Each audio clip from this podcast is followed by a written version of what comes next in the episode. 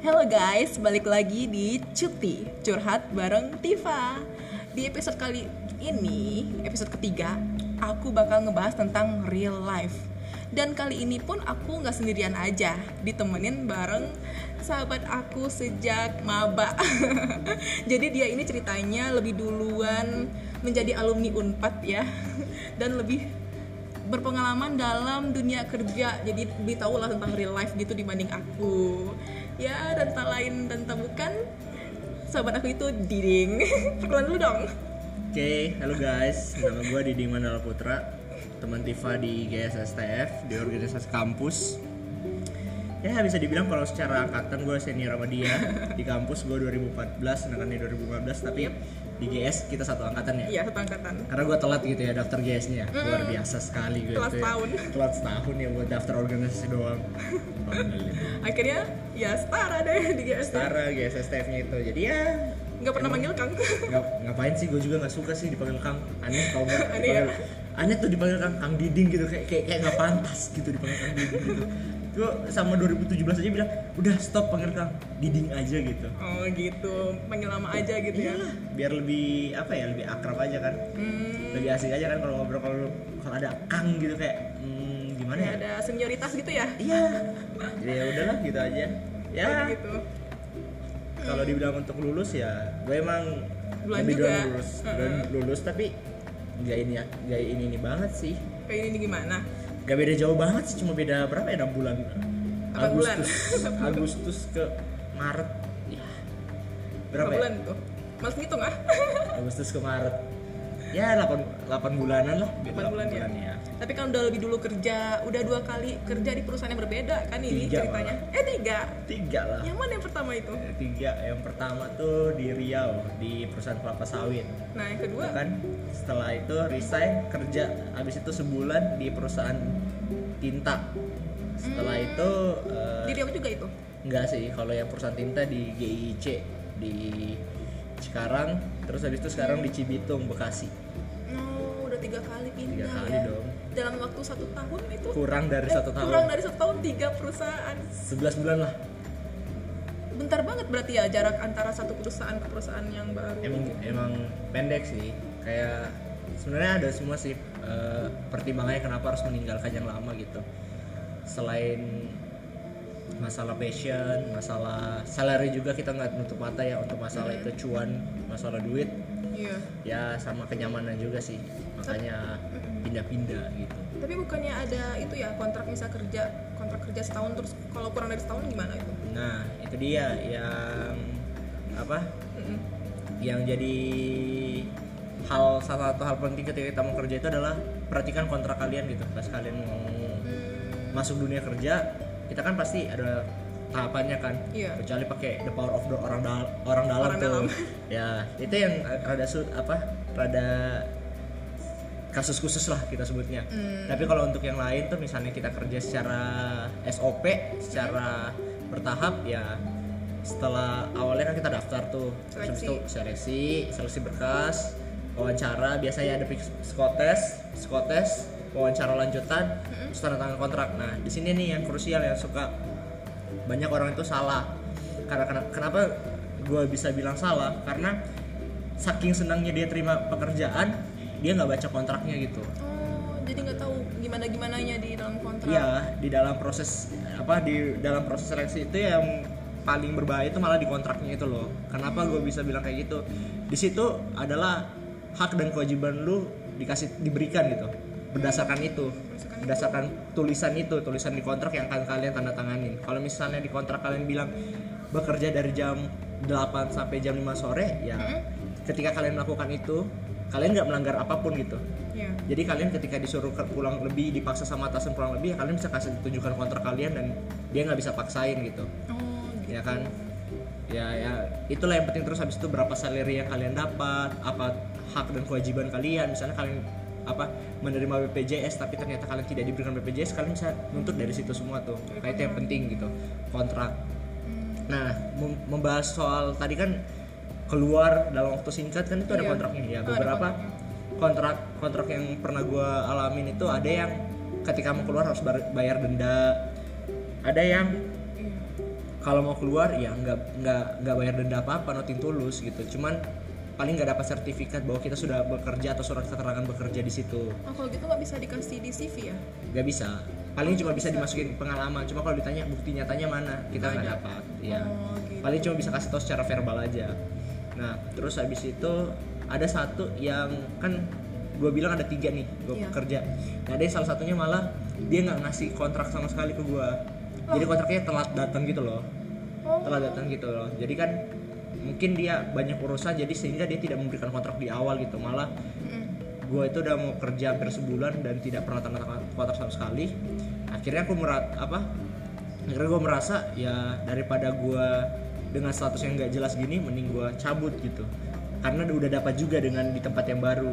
Yang selain kontraknya lebih jelas eh, jabatan lebih jelas status lebih jelas juga salary lebih tinggi gitu. Cuannya lebih banyak ya siapa sih yang nggak tergoda untuk hal itu? Iya kayak sih. pindah tapi proses seleksinya gimana tuh? Susah nggak masuk ke dalam suatu perusahaan ke perusahaan gitu? Kalau kita bicara idealnya sebenarnya tidak terlalu susah. Kalau saya pribadi ya kalau gua pribadi itu tidak terlalu susah. Karena kenapa? Ketika dia ketika kalian qualified atau sesuai dengan apa sesuai Kriteria, dengan ya. kriteria yang diminta ya kalian bakalan masuk gitu. Secara dokumen kalian masuk. Nah setelah masuk eh, seleksi berkas atau administratif atau yang kita sebut dengan dokumen itu Mm. di sinilah yang rada-rada eh, krusial juga selain masalah kontrak yaitu adalah wawancara awal gitu dengan HR Mm. HR atau human resource atau HR dari apa human resource-nya. Nah di sini kenapa gua bisa bilang krusial juga karena di sinilah kita cara menjual diri kita menjual diri di sini itu bukan berarti kita ya pe, apa yang berbau negatif tapi maksud gua menjual diri di sini adalah menjual kelebihan kita. Bagaimana kita bisa memberikan bahwa gua gua liat- gua sih yang paling pantas untuk kerjaan ini. Gua sih yang paling pantas untuk kegiatan ini. Gua sih ya gue yang paling cocok gitu. Kayak mempromosikan diri ya gitu ya? nah mempromosikan diri itu loh yang apa rada sulit gitu. Oh gitu.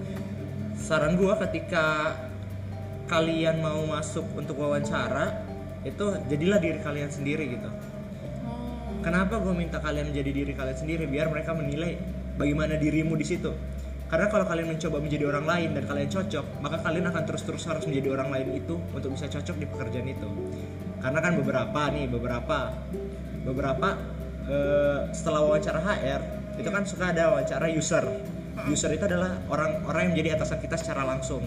Bisa jadi manajer bisa jadi apa Direktur. bisa jadi CEO ya siapa pun yang akan mengatasi kita gitu Mm-mm. nah prosesnya eh, di situ dia akan melihat nah beberapa orang kadang qualified untuk kerjaan itu tapi nggak lolos nih karena kenapa kita harus cocok-cocokan juga dengan HR ataupun dengan user kita Mm. nah di sinilah kita gue bilang jangan jangan mencoba menjadi orang lain gitu jadi harus jadi diri sendiri jadi ya. diri sendiri karena kenapa? Kalau dengan jadi diri sendiri lu cocok atau kamu cocok dengan si HR apalagi user nah kalian nggak perlu ber- nggak perlu berpura-pura. Nggak perlu berakting lagi ya. Ah nggak perlu beracting lagi. Itu kalau di pro- seleksi itu ya Mm-mm. tunjukin aja gitu. Tunjukin aja kalian apakah kalian orang yang berpikiran luas atau kalian yang manut-manut aja turut-turut aja ya tunjukin aja gitu. Hmm. saranku ya saranku tunjukin. Karena kalau kalian berpura-pura nanti kalian rasa, rasakan sendiri gitu ketika kerja. Berarti kalian harus berpura-pura seperti itu. Iya benar. Karena jujur klop-klopan dengan HR atau atasan itu itu sesuatu yang apa ya tidak diajarkan gitu tidak diajarkan di di kuliah. kuliah. Tidak diajarkan di kuliah. Jadi emang cocok cocok cocok kan kayak Cocok. gimana ya? Atasanku yang sekarang itu kalau gue lihat atasanku yang sekarang itu kalau gue lihat itu apa ada sifatnya yang sama dengan gue gitu. Makanya gue merasa kenapa gue yang dipilih ya karena gue punya sifat yang sama dengan dia. Oh. Kayak gitu. Nanti mungkin suatu saat ketika kalian bekerja Hmm. ya kan kalian keterima nih setelah seleksi user. Coba perhatikan user kalian itu. Oh, atau atasan kalian. Pasti suka punya sifat yang sama itu. Apakah entah selera musik yang sama pola pikir yang sama cara ngomong yang sama ya gelagat ya. gerakan yang sama kalian pasti akan ada kesamaan itu itulah kenapa kalian yang dipilih biasanya ya biasanya umumnya seperti itu karena dia ya orang akan mencari orang yang nyaman untuk dia dong kerja bareng dia Iya sih benar. Iya FYI ya. Diding ini lulusan kimia Unpad ya jurusannya. oh iya.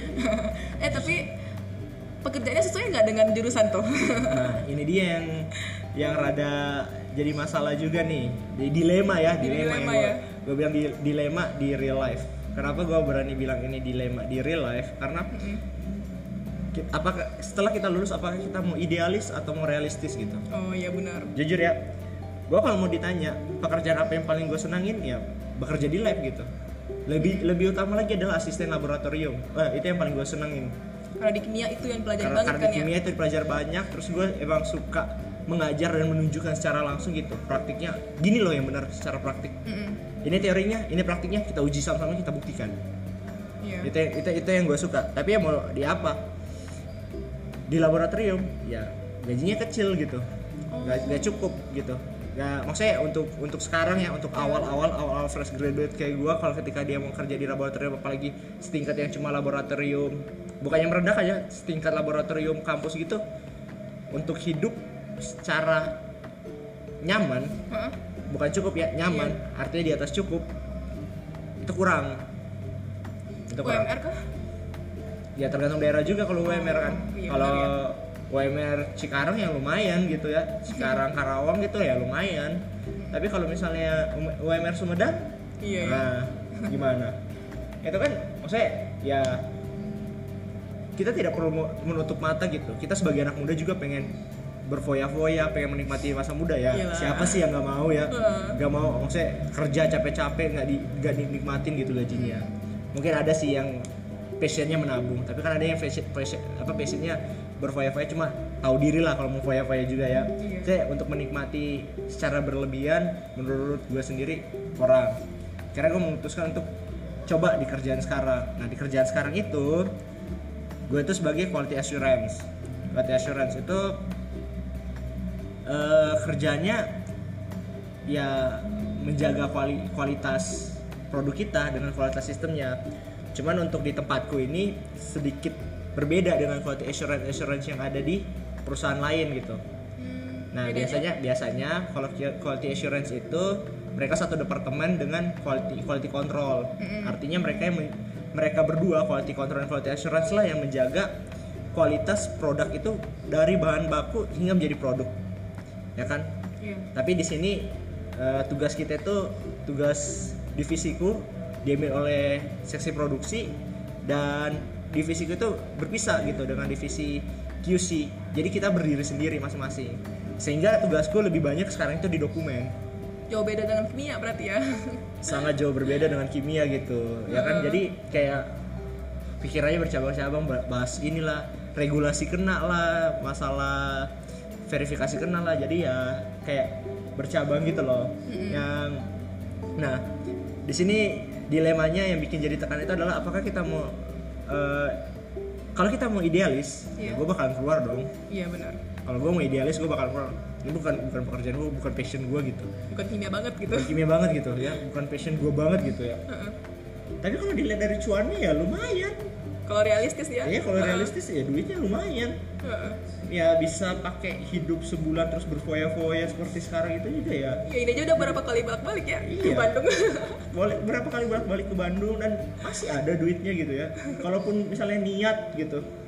Ya kalau mau nabung dengan niat yang cukup dan sedikit menekan biaya hidup bisa lah 3 juta per bulan gitu ditabung. Cuman kalau mau foya-foya dikit ya masih bisa lah ke 1 juta 500 ribu itu kalau 500 ribu itu kayak udah kecil banget dan emang hidupmu terlalu banyak foya-foya gitu dari Iya. dari gaji yang gue dapat ya Iya. itu bisa segitu gitu untuk untuk ditabung gitu dengan pekerjaan yang sekarang ya yang kerjanya cuma duduk doang gitu dapat gaji segitu ya bisa dibilang lumayan cuman ya jadi tekanannya itu kayak Kayak- apa ya? karena itu bukan passion gue jadi cepet bosan Oh, cepat jadi ngantuk kerjaan cuma di depan komputer terus ya kan Gak ada Dan ke lapangannya ya. ke lapangannya ya ada tapi nggak sering gitu jadi kayak 80% kerja depan komputer dan berbasis dengan dokumen 20% nya lah baru verifikasi di lapangan seperti apa. Oh, Berarti emang bener-bener kantoran banget ya. kantoran banget gitu kan. Jadi kayak aduh ngantuk. Emang gak ada refreshing gitu di kantor? Misalnya makan malam di kantor apa? Makan malam anak kantoran kayak gitu bikin Iya. atau enggak bikin acara di kantor gitu nggak ada? Kalau untuk secara sekelas kantor sekelas eh, perusahaan ya ada jadwalnya. Tapi setahun sekali lah setahun sekali oh setahun jarang sekali. banget ya setahun sekali. Maksudnya artinya ini kan satu perusahaan nih berarti kita harus nutup perusahaan itu dulu kan Oh, untuk ini ya iya, diliburkan. benar. kan dia setahun sekali ya kan untuk acara family gathering dan kawan-kawan. Oh enggak yang per departemen kalau gitu? untuk per departemen kayak gimana ya? Yang yang nggak menyedihkan sih kayak karena sebenarnya kita mengurusnya dokumen dominan dokumen Mm-mm. orang yang dibutuhkan jadi dikit. Jadi departemenku hanya punya empat orang. Dikit banget empat orang. Manajer ya. Asisten manajer Hah? eh ya asisten staff sama operator. Jadi kamu bagian apa berarti? Staff.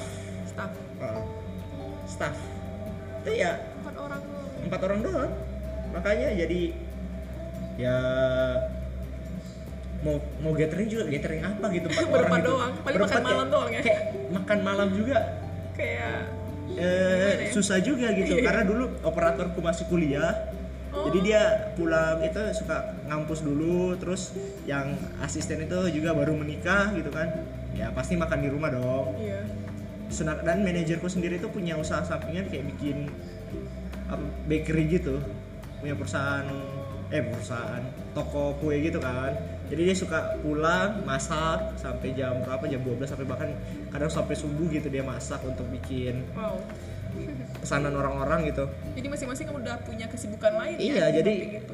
gua pun ya punya kesibukan tidur gitu. Tidur kesibukannya tidur. Tidur istirahat nonton scroll twitter ya kan? Iya aktif banget di eh twitter. Twitter scroll Twitter chat cewek gitu kan. Eh, kerjanya kayak gitu tuh. Chat teman-teman telepon teleponan Hmm, ya kan sama operator. Halo isi pulsa. Serius. Nah ngomong-ngomong nih di dunia kerja itu katanya susah ngebedain yang mana uang halal sama uang haram. Nah bisa dijelasin nggak? Kan Diding tuh udah tahu banget tuh gimana dunia kerja dan gimana urusan di mana sumber-sumber duitnya itu. Yang mana sih yang uang halal sama uang haram? Kok ada sih? Kan kalau kita yang pengetahuan kita cuman di bank. Jadi kayak pegawai bank riba dan dan gak mau nih jadi pegawai bank gara-gara riba dan kena haram. Nah kalau perusahaan gimana tuh haramnya? Gimana ya bukan yang lebih tepatnya itu jadi uang abu-abu gitu. Kenapa? Oh, abu. kenapa kita sebutnya abu-abu? Karena kita nggak tahu ini halal atau haram gitu. Oh gitu. Karena ada yang bilang nyatakan oh, ini haram apa ini halal. Mm-mm. kita lihat dari sudut pandang kita melakukan kerjaan dengan baik dengan Iya. baik dan benar dan kita dapat bayaran. Itu halal. Sedangkan mungkin yang lebih ekstrim itu bisa melihatnya kayak gue sebenarnya melihatnya kadang dari sudut pandang ekstrim itu haram gitu dari sudut pandang Ekstrim. sumber duitnya ya? Iya dari sumber duitnya eh, haram gitu. Nah sedangkan bank ini kenapa orang-orang bilang haram? Karena memang dinyatakan di dalam Al-Quran dan hadis adalah riba. Iya. jangan de- pernah dekatin riba. Dan Iya. sistemnya bank ini udah dinyatakan bahwa sistem riba gitu. Nah makanya itu yang haram. itu orang-orang pada bilang "Oh, dia jelas haram gitu kan. Tapi kalau perusahaan nah gimana di, tuh? di sini nih kalau kita definisikan halal itu secara secara secara benar-benar halal itu kan kita harus dapatkan uang itu secara baik Mm-mm. ya kan dengan dengan cara-cara yang baik jalan-jalan yang baik ya proses yang baik pula gitu kan iya nah itu baru bisa eh, menjadi uang halal terutama di pandanganku ya Mm-mm. nah ketika salah satu dari poin-poin itu kita hilangkan atau kita bahkan kotori dengan tipu muslihat lah eh, penipuan lah baik penipuan secara kasar maupun halus ya sudah tidak menjadi halal lagi gitu. Iya. Ya kan? Kayak begini loh. Kita tahu kita bekerja di perusahaan. Perusahaan itu adalah organisasi yang dibentuk untuk mencari keuntungan sebesar besarnya ya kan? tidak ada tidak ada perusahaan yang mau rugi bahkan satu rupiah pun mereka nggak mau. Kalau bisa nggak rugi nggak rugi sama sekali pengen itu untung terus gitu. untung terus 100% untung terus. Kalau bisa 1000% ya 1000% untung terus kan. Iya. Mereka nggak peduli bagaimana nah karena saking mereka pengen untungnya itu ya terkadang orang-orang yang bekerja di dalamnya itu melakukan berbagai cara untuk bisa untung gitu. Apa untuk bisa tidak rugi. Tidak rugi ya. Atau bahkan menutupi kerugiannya. Nah di sini. Misalnya nih kita membuat produk. Kita membuat produk kan. Ternyata memang kita salah nih produknya. Iya kita salah nih produknya. Tapi kalau kita akui kalau kita salah kita akan terjadi kerugian dong. Kita ganti rugi kan? Kita harus ganti rugi gitu kita harus ganti rugi. Ya sebisa mungkin kita harus mengcover kesalahan kita ya kan? Kesalahan kita jangan sampai itu jadi kesalahan kita gitu. Hmm, walaupun itu jelas-jelas kita yang salah. Iya. Kalau bisa cover jangan jadikan itu kesalahan kita terus habis itu kalau udah nggak bisa di cover kalau bisa limpahkan ke orang lain gitu. Dilampahkan ke orang, ke orang lain itu ke siapa tuh nah bisa jadi ke supplier Oh, ke supplier distributor? supplier bahan apa bahan baku penyedia bahan baku ya seperti itulah. Nah itu yang kadang kadang membuat kita apa gua pribadi kaget gitu. Wah separah ini gitu. Itu untuk dari prosesnya aja ya untuk dapatkan uang itu atau dapat keuntungan itu sendiri ya menurut gua pribadi itu udah nggak baik gitu. Iya. Ya kan? Itu baru satu. Terus kedua nih eh, banyak kegiatan-kegiatan orang itu ketika memulai usaha atau untuk melancarkan usahanya dia melakukan hal-hal jahat gitu. Kayak gimana tuh? Hal Kayak- jahat? Ba- banyak hal misalnya nih. Eh, dia butuh lahan. Dia Iya. butuh lahan kan? Dia butuh lahan. Tapi orang yang punya lahan itu nggak mau jual gitu. Hmm, ya kan? Dia nggak mau jual karena ya memang dia merasa lahannya itu masih dibutuhkan atau segala macam. Nah banyak orang-orang itu yang melakukan kejahatan seperti kejadian beberapa bulan kemarin pembakaran hutan secara liar. Oh yang di Riau yang di Riau itu kan yang di Sumatera itu Kalimantan. Kalimantan. Dan sebagiannya kan Iya. ada yang bilang menyatakan bahwa itu terjadi karena memang kebakaran hutan apa akibat alam yang panas gitu kan. Memang daerah-daerah daerah Riau memang panas kan. Iya sih. tapi nyatanya terbukti ada beberapa orang yang melakukan tindakan proses pembakaran hutan. Dengan gitu. sengaja, dengan sengaja. Ya kan? Nah kenapa mereka mau bakar hutan itu? Ya mereka berusaha agar lahan itu tidak bis, tidak punya nilai apa fungsi Untuk guna si lagi, pemilik lagi ya? untuk si pemilik lagi. Jadi ya pemilik yang sudah kerugian mau nggak mau harus jual gitu. Iya. Ya kan untuk dapat untung. Ya siapa sih yang merugi manusia juga nggak ada yang merugikan akhirnya mereka malah yang kecurangan kecurangan sendiri nih yang bahaya. Atau beberapa produsen suka mengganti bahan bakunya. Misalnya dari yang bahan baku yang baik yang bisa baik artinya terdaftar di balai pom dan kawan-kawan yang malah dioplosin atau dicampurin dengan yang lain. Nah kita kan nggak pernah tahu ya? Nggak jujur ya. Nggak jujur gitu. Dan dia nggak bilang nih ke ke konsumen nggak konsumennya dia nggak bilang gitu.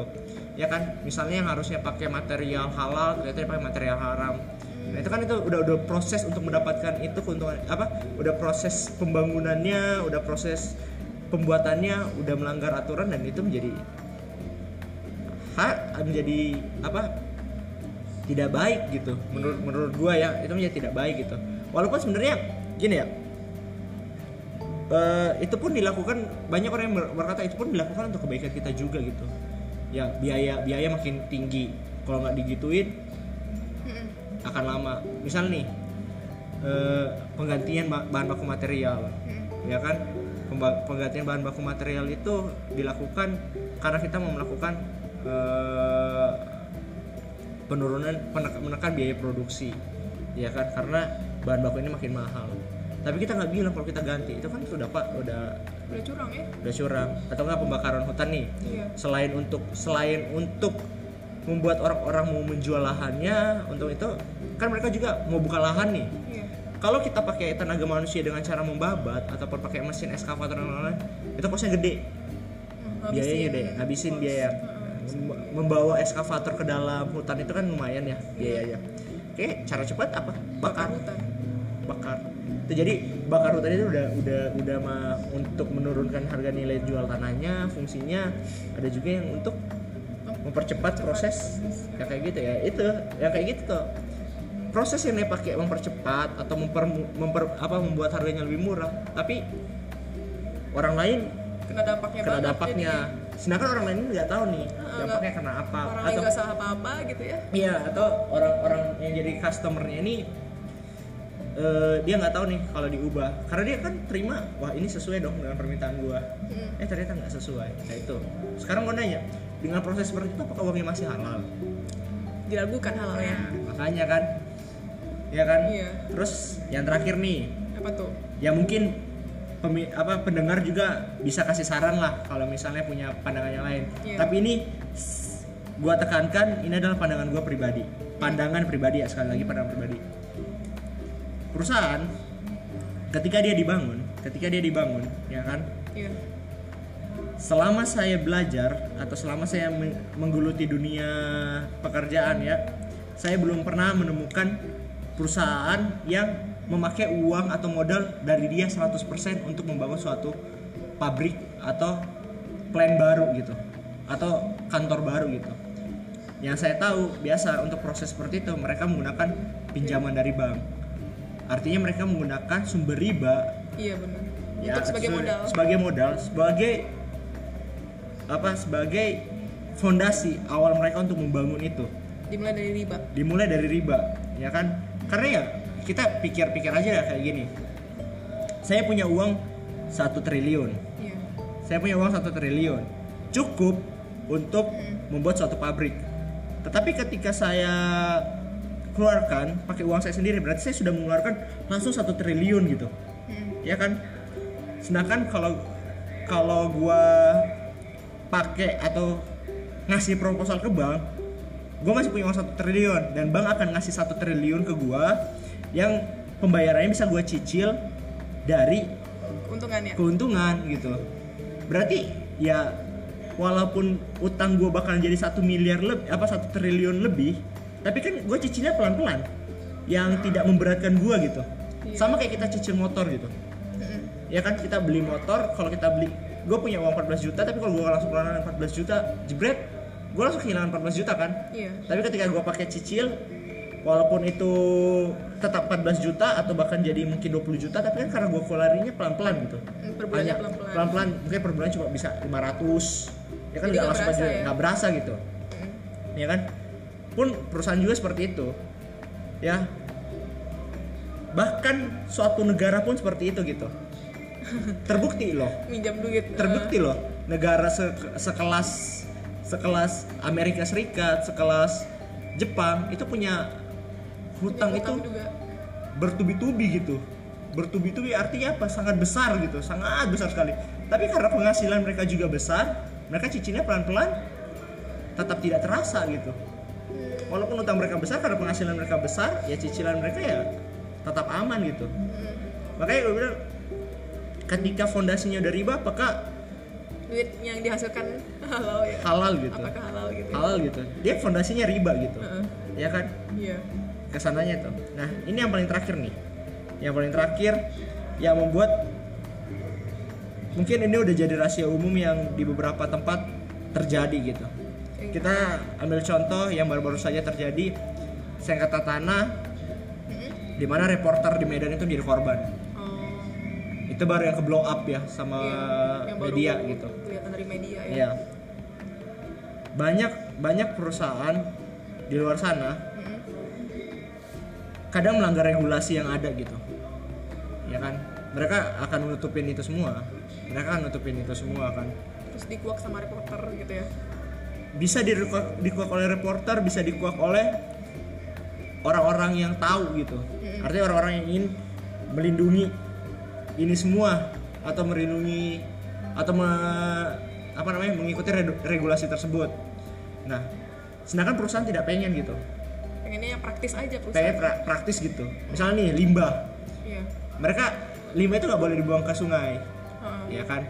Tetapi perusahaan buang ke sungai. Ada orang yang tahu nih dan dia mau laporin nah kadang ada ada perusahaan yang jahat itu melakukan hal yang sangat jahat yaitu menghilangkan nyawa orang yang tahu ini. Waduh membunuh orang. Iya kan sudah banyak tuh korban-korbannya Iya apalagi perusahaan-perusahaan yang sangat-sangat besar itu yang ke blow up aja hanya sedikit gitu. Bagaimana yang tidak ke blow up. Nah itu itu kalau memang kalau memang dia sudah melakukan hal seperti itu untuk melindungi citra dan ini apakah itu masih bisa dibilang uang halal gitu? Udah darah mainnya sekarang Iya. ya kita juga nggak bisa menjustifikasi nggak bisa ngejudge juga kalau ini halal atau haram gitu ya Iya. soal itu bukan ranah kita juga kan Nah. makanya dibilang abu-abu tadi ya Iya makanya gue gue sendiri Heeh. bilang abu-abu Mm-mm. ya kan abu-abu. iya Nah dari gue pribadi nih dari gue pribadi untuk kalian yang ragu mau kerja di mana udah niatin aja ibadah. iya Pun kalau kalian mau kerja di bank ya udah niatin ibadah aja gitu. Ya kan kita juga harus realistis. Kalau apa orang me- orang memang sering bilang kan jangan pernah takut kehabisan uang karena Allah maha pemberi gitu kan Ya, pemberi Karena rezeki ya. pemberi rezeki tapi gue punya prinsipnya seperti ini rezeki itu tidak semerta-merta dikasihkan kepada kita tapi harus kita jemput dengan cara kita bekerja dan berusaha Iyalah. kalau memang kalian bisanya di situ ya udah di situ aja dulu gitu. Di misalnya kalau kalian memang bisanya di bank atau di tempat kredit dia kerja aja dulu di situ kumpulkan uangnya kumpulkan dengan baik terus niatkan ketika kalian keluar kalian mau pakai usaha yang lebih halal atau lebih baik daripada sebelumnya Iya. ya kan Karena kita ya kita nggak bisa ben- bener-bener menghindari itu tadi ya. iya makanya semua semuanya ada Semuanya ada. kalau kita mau telitik lebih jauh dan kita mau ideal ya ideal semua nggak masuk kalau kita mau ideal ya kita Iya. mau ideal tapi nyatanya hidup ini mana sih yang ideal gitu Iya. Ada. Hidup yang ideal. nggak ada hidup yang ideal itu Nah sekarang udah rumit banget nih bahas tentang pekerjaan. nah kita masuk lagi ke real life-nya tuh yang tentang percintaan. Tapi kan sekarang ini kan kita udah dewasa nih, udah bukan anak kuliah lagi. ah masa sih kalau kamu ya, kalau kamu masih kuliah masih kuliah lagi nih. ya, kuliah apa S2 kan Iya. Nah kan kalau udah kerja berarti kan udah dewasa nih kita. Jadi percintaannya pun udah dewasa nih. anjay Jadi tuh gimana sih tentang hubungan-hubungan yang serius atau pernahkah masih bermain-mainkah dengan dalam berhubungan setelah bekerja ini gitu? Gimana Mana ya masalah hubungan ya Iya. ini tuh hubungan tuh kayak apa ya pengen dibahas tapi, Tapi berat gitu gimana ya Apa? Kalau kita perhatikan ya teman-teman Iya. kita nggak usah nggak usah jauh ya teman-teman kita dengan umur yang sama dengan kita Hmm. ada yang udah pernah putus nyambung Iya benar. nah udah ya biasa kan? itu. udah biasa yang kayak nyambung itu udah biasa gitu Iya. yang udah punya pacar tapi masih sering jalan dengan cewek lain atau Oh. pasangan apa lawan jenis yang lain Iya, iya. yang kan punya selir di mana-mana ada kan Ada lah. ada ya kan yang nggak pernah pacaran sama sekali juga ada Tapi punya banyak gebetan. ah punya banyak gebetan. Iya kan? Iya, banyak ada. ada. Ada yang nggak pernah pacaran sama sekali dan nggak pernah punya gebetan sama sekali ada juga kan? Bisa jadi. Eh, ada. ada, ada, ada, ada. Kan? Ada, ada. Teman pasti punya. ada. teman kamu ada kan? Ada. temanku pun ada ya kan? Dia nggak punya mantan sama sekali ya kan? Gak punya mantan, gak punya gebetan. dia nggak punya gebetan gitu. Nggak tahu dia masih suka manusia atau enggak gitu kan? Iya kan? Kita nggak nggak- Iya, kita bahkan nggak nggak tahu sama sekali gitu. Ada yang bahkan udah nikah. Di usia kita udah nikah di, ada. di usia kita udah nikah ada. Ada yang udah punya anak Iya benar benar. Iya, Bahkan di iya. bawah usia kita ada. di bawah usia ada, ada yang punya udah punya anak ya kan ada yang mau nikah bentar lagi Oh iya. iya kan ada yang udah berencana buat nikah tahun depan Iya iya. Ad- ada yang berencana buat nikah Eh, ini gimana ya? ada yang berencana buat nikah eh, dalam waktu dekat ada yang bahkan nggak berencana mau nikah sama sekali ada Ada. ada semua semua di umur kita yang segini itu Mm-mm. itu semua ada gitu Hmm, jadi makanya kalau mau bahas percintaan dewasa itu kayak wow rumit rumit. rumit karena dia hal rumit yang bisa diselesaikan oleh satu hal yang sangat simpel gitu Apa tuh? komitmen Oh.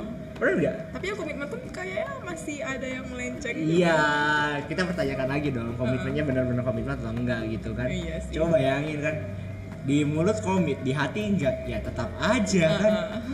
Ya mau mau mau bisa apa kalau di mulut komit di hati enggak? Iya. mau sampai gimana pun juga nggak akan komitmen komitmen kecuali di mulut udah di hati udah iya itu baru playboy playboy bacot banyak yang kayak gitu Banyak cowok brengsek ya. iya kacau semua cowok brengsek Termasuk Ya, kamu. ya jelas lah jelas lah Kata yang brengsek gitu Semua cowok itu brengsek siapa pun itu Cuma kadarnya aja yang berbeda-beda Ada Kadar yang kadar brengseknya. Ada kadar brengsek itu dikit Heeh.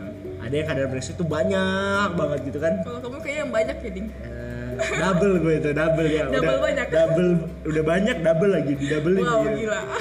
udah brengsek brengseknya paling brengsek gitu ya itu itu yang masalahnya. Tapi brengsek brengsek kayak gini entah kenapa ada yang mau gitu kan. Itu yang anehnya gitu kan. Seaneh-anehnya cowok aku lebih aneh lagi sama otaknya cewek gitu. Kenapa?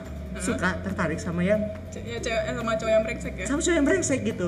Walaupun emang nggak maksudnya brengseknya di sini tuh bukan artinya kan kita udah nyatakan semua cowok brengsek tapi yang brengsek itu kadarnya udah over gitu ya. Yang udah berlebih banget gitu. berlebih banget. Apa apa dari cewek tuh ada tantangan deketin cowok-cowok brengsek gitu atau gimana? Nggak ngerti juga sih sama cewek yang pengen sama cowok brengsek. Yang punya pengalaman? Hmm sama cowok brengsek enggak sih sejauh ini? Aman-aman aja? Mantan aku nggak brengsek nggak suka main sama cewek lain sih. Eh, belum ketahuan aja nggak tahu sih. Nggak tahu sih di belakang, nggak tahu juga di belakang ya. tapi setahu aku sih enggak kami tuh putus nggak pernah gara-gara selingkuh. Ya gara-gara jatuh ya oh rahasia itu jangan jangan diungkap. Jatuh hati yang lain. Oh beda itu beda. Beda ya. Aduh. nah jadi gitu. Jadi berarti sekarang ini gimana ya? Hubungan serius itu pun masih belum bisa ya dikatakan di usia kita ini masih belum bisa benar-benar serius ya sebenarnya. Tahu sih karena yang gue bilang tadi tuh komitmen tuh Mm-mm. ada orang yang dengan umur kita begini tuh berkomitmen untuk berkomitmen untuk apa? Untuk apa? Berkomitmen untuk memulai kehidupan berkeluarga. Tuh itu Oh. yang itu yang sangat sangat sangat sangat sangat menakjubkan tuh oh gitu. Nah, mungkin apa ya? Untuk kita kita Iya. aku gue pribadi sih mungkin untuk komitmen masih belajar untuk komitmen dengan dengan baik gitu karena ya untuk meninggalkan beberapa gue punya kebiasaan buruk ya di masa lalu gitu ya kan? Jujur gue punya kebiasaan buruk di masa lalu yang pengen gue tinggalkan tapi mungkin butuh waktu sedikit lebih lama gitu. Enggak sih gue yang harus mulai berubah sekarang untuk bisa meninggalkan kebiasaan-kebiasaan lama itu karena ya ketika gue gue harus udah siap gitu untuk komitmen ke satu ke satu orang. Emangnya kebiasaan lama itu apa playboy? Jadi jangan disebut jangan disebut ya. Nggak playboy juga sih tapi ya suka aja jalan sama lawan jenis banyak apa? Ya nggak dipacarin tapi cuma suka aja suka aja jalan suka aja mendengarkan curhatan mereka suka juga bercerita panjang lebar. Itu mah kayak sahabat kalau kayak gitu mah. Iya sahabat tapi kalau baper kan bahaya juga ya. Oh gitu. Nah masalahnya ini ada yang baper juga gitu kan. Kayak, kayak bingung nih anak matanya minus apa gimana gitu ya kok Iya. bisa baper Ya, kok bisa gitu. baper ke kamu? Aku juga Iya, ngerti sama ya cewek kan. yang bisa baper ke kamu. Makanya. Terus ter yang dengerin podcastnya itu yang pada baper-baper iya kenapa gue baper sama dia? gitu. Terus gue jawab aja apa gitu kan. Oh, luar biasa sekali. Terima kasih podcast Tifa. Cuti curhat bareng Tifa gitu kan. Aduh terima kasih banget podcast ini. Emangnya tipe pasangan ideal buat jadi istri tuh kayak gimana sih? Nih ini nih yang menarik nih masalah ideal. Iya buat jadi istri nih bukan Iya, pacar ya? bukan pacar. Kalau gue pribadi istri yang ideal itu ya yang nyambung diajak ngobrol. Hmm semua orang bisa nyambung diajak ngobrol sih. Enggak. loh. Oh, enggak? gini ya. Untuk bisa ny- nyaman diajak ngobrol nyambung dari hati ke hati yang bisa memahami kita itu sangat susah untuk didapatkan. Jadi gue pernah datang ke kajian. Gila gue datang kajian ya seorang kajian agama ini seorang diding ke, ke kajian? Kajian Iya, mana tuh? kajian agama Di dengan mana teman gue dengan teman gue di blok M di Jakarta. Oh Jakarta. Itu kemarin bahas salah satu surah gue lupa Al-Waqiah kalau nggak salah tuh. Surah yang membahas surga neraka dan kematian dan kiamat segala macamnya. Wow berat. Ada satu ada satu bahasan di dalamnya situ yang ketika orang-orang masuk surga kita udah sering dengar bahwa di surga itu kita dapat bidadari lah makanan yang kalau kita pengen tinggal datang Iya. harta yang tinggal datang dan itu ya hal-hal klise itu udah kayak bagi gue sendiri gak penting gitu Mm-mm. gak penting kayak gak ada yang lebih bagus gitu Iya. tapi gue kaget oleh satu oleh satu kenikmatan surga yang gue sampai pikir kok bisa dia jadi kenikmatan surga gitu dia dikatakan oleh si apa penceramanya bahwa salah satu nikmat yang akan kita dapatkan di surga adalah Iya. Pasangan yang nyambung yang nyaman diajak ngobrol gitu. Yang dia memahami kita dia mengerti kita. Jadi kayak suami istri nih mungkin pas di dunia suaminya diajak curhat tapi dia atau istrinya diajak ngobrol tapi nggak bisa kasih solusi. Mm-mm. dan di surga itu menjadi bisa saling mengerti gitu. Otomatis bisa saling mengerti. Otomatis bisa saling mengerti. Dan gue tuh kaget karena kayak gila hal yang seharusnya bisa didapat di duniawi ternyata dijadikan kenikmatan surga. Artinya apa? Untuk mendapatkan yang itu tuh tidak tidak mudah gitu. Oh iya benar untuk dapat pasangan yang Bener-bener enak nyambung diajak ya. ngobrol yang nyambung. Yang kalian tuh ke mana-mana itu bisa bersama tanpa tanpa perlu orang lain lagi gitu. Hanya kalian berdua gitu. Kalian berbicara untuk masalah bahasan yang dari hal penting sampai hal sepele ataupun hal sepele sangat-sangat sepele sampai hal penting itu kalian nyambung gitu. Itu sangat-sangat Susah susah, ya? loh. Ya kan maksudnya kita tahu ya manusia itu punya pola pikir sendiri punya sudut pandang sendiri. Aku punya apa gue punya so, ap- eh, sudut pandang yang berbeda mungkin dengan Tifa untuk masalah ABCD gitu. Mungkin masalah norma-norma Iya. orang Padang dan orang Palu gitu kan. Ya kan? Anak Fikom dan anak kimia gitu kan. IPA kimia gitu. Ya pasti punya pandangan yang berbeda dong. Iya pastilah. ya kan? Kita punya pandangan berbeda untuk apalagi baik buruk ya kan benar salah ya kan hitam putih ya itu semua kita punya pandangan yang berbeda-beda gitu. Cuma kan ketika kita udah jadi pasangan kan kita harus gimana caranya sih perbedaan-perbedaan itu disambungkan gitu? Yang itu tuh makanya dicocokkan dicocok lagi. bisa kayak cocok logi berbeda pendapat boleh tapi terhubung gitu. Tapi terhubung ya. nah itu itu itu. Itu yang susah ya? Itu yang susah. Jadi menurut gua pasangan ideal itu adalah pasangan yang memahamimu gitu mengerti ka- mengerti lu bisa nyambung diajak ngobrol itu itu pasangan ideal kalau misalnya nih masalah uang. Iya. Harta jujur bisa dicari dengan usaha. Maksudnya asal nggak malu ya lu ternak lele bisa 100 juta loh per bulan. Oh. ternak lele bisa 100 juta loh per bulan. Ya kan? Heeh. kalau kecantikan tinggal lu kerja keras dapat duit banyak lu biayain lah istri lu untuk ini pedikir medikir yang dicukur gitu. Iya. Iya iya. Ya. Gue sadar juga untuk dapat wanita cantik ya lu harus punya modal gede juga karena gak mungkin ceblos air wudhu gitu jadi tiba-tiba dia jadi bidadari ya ada yang sumbi kan enggak gitu kan. Iya. Iya enggak ya. Ingat serum SK2 itu berapa ratus ribu gitu kan. Udah makeover aja 180 se se- se- segenggam gitu. Wah lipstick aja yang Maybelline udah berapa ya kayak nih sekali sekali sekali dia belanja make up juga untuk per tiga bulan ya bisa berapa puluh apa berapa jutaan gitu. Bener banget Iya cerita kan? wanita. Ya maksudnya bukan hanya duta wanita ya kalau kalau dirimu sebagai suami yang menyayangi istrimu dan Iya. kau ingin melihat istrimu cantik ya. Dibeliin lah. Beliin lah. Iya kan? Heeh. kamu lu nggak mau lihat cewek apa pacar lu atau ya kita bukan bicara pacar istri lu dekil gitu ketika pulang siapin pembantu lah biar dia bisa merawat diri. Bener ya kan? Kalau dia capek kalian nggak mau belum bisa punya pembantu ya bantulah dia cuci. Minimal ya lu cuci piring kek cuci baju kek. Ya, biar dia cowok- masih masih bisa istirahat untuk merehatkan diri merawat kulit. Atau kalian bisa sama-sama. Maskeran gitu. saling membantu iya. Maskeran gitu kan? Bisa, ya, temani, bisa. temani kan? Maksudnya kalau masalah cantik masalah harta gitu kan? Masalah bisa atau mungkin tingkah laku gitu. Tingkah laku masih bisa diubah kalian bicarakan baik-baik. Aku nggak suka kamu gitu ah. ya kan? Hmm, harus komunikasi saling terbuka gitu. nah yang kayak gitu. Yang hal-hal yang kayak gitu masih bisa dibicarakan. Tapi kalau kalau udah nyambung Hmm. itu walaupun orang bilang bisa kok kalian bicarakan ada satu yang orang udah berkomunikasi gimana pun mereka nggak nyambung gitu. Bisa ya kayak ada, ada orang kayak gitu. ada ada orang yang kayak komunikasi gimana pun dia udah coba dia nggak nyambung gitu. Dan ada orang yang nggak komunikasi sama sekali nyambung gitu. Hanya duduk dia terus tatapan. Telepati telepati kayak mereka duduk baca Iya. buku terus saling tatapan terus terus senyum. Saling Terus tuh- ngerti gitu. iya ngerti gitu kan. Baca lagi terus lihat lagi ma- mata pasangannya. Terus terus senyum lagi gitu kan. Komunikasi non verbal sih. Iya komunikasi non verbal, tapi mereka nyambung tapi kan? nyambung ya iya itu kayak gitu tuh susah di- ditemukan. Iya bener-bener Nah, makanya gue bilang kalau gue se- sesimpel itu aja. Kalau misalnya ditanyain pasangan ideal ya ya nyambung ya enak Nyambung, diajak ngobrol nah kalau kalau ini dari gue kan idealnya kayak Iya. gitu. Kalau Tifa sendiri idealnya kayak gimana? Pasangan ideal tuh. Pasangan yang ideal gimana ya? Yang sama sih yang bisa mengerti aku gimana gitu. Dan juga yang bisa membuat aku jadi diri sendiri.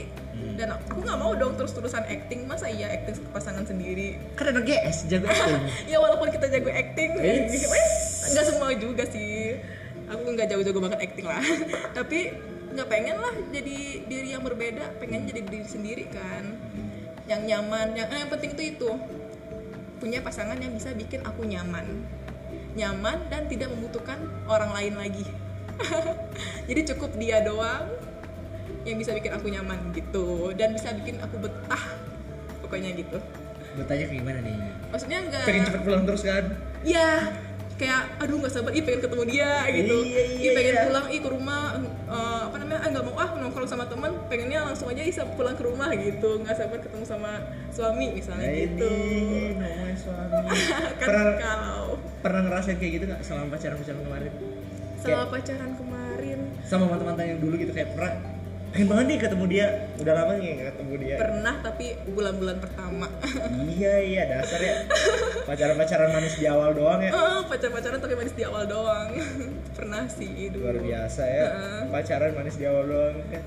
Iya, harus makanya sekarang kan nggak pacaran. Pacaran. apa sekarang ya? Nggak tahu. Iya, pokoknya nggak pacaran. Makanya nunggu yang tepat buat bener-bener ke jenjang yang serius. Sekarang Iya. eh, nggak pacar-pacaran lagi lah sekarang butuhnya yang serius gitu iya kan. terakhir nih dari Apa? dari gua nih mau nanya ke Tifa gimana sih bisa merasakan bahwa dia orang yang tepat gitu? Apa apa menurut menurut Tifa Mm-mm. ketika melihat orang itu dia lah yang tepat itu kayak gimana sih? Kalau bisa kasih gambaran nggak? aku kayak gimana ya? Ketika aku melihat dia aku seperti melihat diri aku sendiri. Jadi kayak misalnya nih ada orang tapi belum belum pernah sih ketemu orang kayak gitu banget gitu. Cuman kayak misalnya nih aku ketemu sama cowok misalnya kan. Terus kenalan misalnya kan gitu. Dan ngerasa ih kok dia mirip aku ya? gitu. Kayak gimana ya kayak aku melihat diri aku dia di dia gitu. Kayaknya gitu sih tapi sampai sekarang masih dicari. Masih dicari ya. masih dicari yang kayak begitu. Pengennya sih gitu yang sama dengan diri kita ya nggak sih? Dan yang nggak menggurui juga. Yang gue ya. aku nggak suka banget sama cowok yang menggurui aku. Kamu tuh gak boleh kayak gini? Itu Ah. gak salah itu salah. Apalagi yang posesif. Ah nggak suka banget. Kamu ngapain sih kenal sama dia? Karena aku bisa jemput gitu nah kan? bener banget. "Kamu- ngapain sih ikut-ikutan ini ini? Kamu pilih acara ini atau aku? Ah, aduh itu posesif banget tuh. Itu goblok sih. Itu menurutku goblok sih. Iya. kayak kalian tuh masih pacaran gitu hidup dia bukan cuma untuk ah. untuk lu doang gitu. Kita tuh masih pacaran ngapain coba ngelarang-larang pasangan kita gitu kan. makanya. Ngapain coba? Gak, gak, gak penting banget sih. Kita belum punya hak ya. Iya. Eh, pacaran itu kan cuma sebatas komitmen belum sampai ke tahap yang serius gitu kan. Menurutku menurut gua malah pas apa ya selama gue punya pasangan gue mencoba sebisa mungkin untuk support dia kalau misalnya dia mau ikut. Ikut-ikut kegiatan iya, apa, ikut apa, gitu ya. kegiatan. Mm-mm. kayak punya ya dekat terus habis itu gelarnya lebih tinggi daripada gua aduh. Ma apa ada tekanan batin tapi ya mau gimana lagi? Kalau memang dia bisa dapat gelar yang lebih tinggi ya alhamdulillah gitu. Ya. habis itu dia lebih aktif organisasi terus kayak anjay gua waktu kuliah gini-gini aja kuliah pulang kuliah pulang. Eh, kuga-kuga kuliah galau kuliah galau gitu kan. Eh. Oh ada istilah baru kuliah galau kuliah galau gitu kan. Pulang galau galauin kayak aduh kenapa harus remet gitu kan? Terus galauin lagi. Aduh ditolak lagi gitu kan. Aduh gagal masuk tes ini lagi. Aduh kayak gitu gitu kan. Galau galau mulu kan. Ya. Iya. Kayak dia lebih aktif di organisasi udah lebih aktif di mana mana gelarnya lebih tinggi terus kayak Mm. gua ketiban banget ini ya. Tapi ya kalau misalnya emang cocok ya tetap support disupport terus gitu kan. Iyalah ya kan gua berusaha untuk terus mensupport kalau punya pasangan. Kamu mau ikut apa ini? Ayo ikut tapi jangan sampai capek jangan, lupa istirahat jangan lupa makan ya. Ingat kesehatan jaga kesehatan ya. Gue cuma bisa sampai segitu sih. Ya terus yang paling penting selalu ingatin kalau udah punya yang baru kabarin ya biar aku nggak berharap gitu kan. Jadi kalau gua gua pribadi gua nggak pernah nggak pernah melarang melarang pasangan gua itu untuk selingkuh bukan bukan selingkuh sih lebih tepatnya kalau dia misalnya mau jalan dengan cowok lainnya udah silakan jalan gitu. Oh gitu? Iya karena menurut gua kayak gini nih. Kalau memang lu yang terbaik buat dia dia nggak akan pergi gitu. Mau ketemu mau ketemu seberapa misalnya nih gua adalah lelaki terbaik dalam hidup dia dia mau ketemu seribu laki-laki lain juga dia nggak akan pindah gitu. Oh gitu. Tapi kalau misalnya dia ketemu dengan pasangan dengan cowok lain?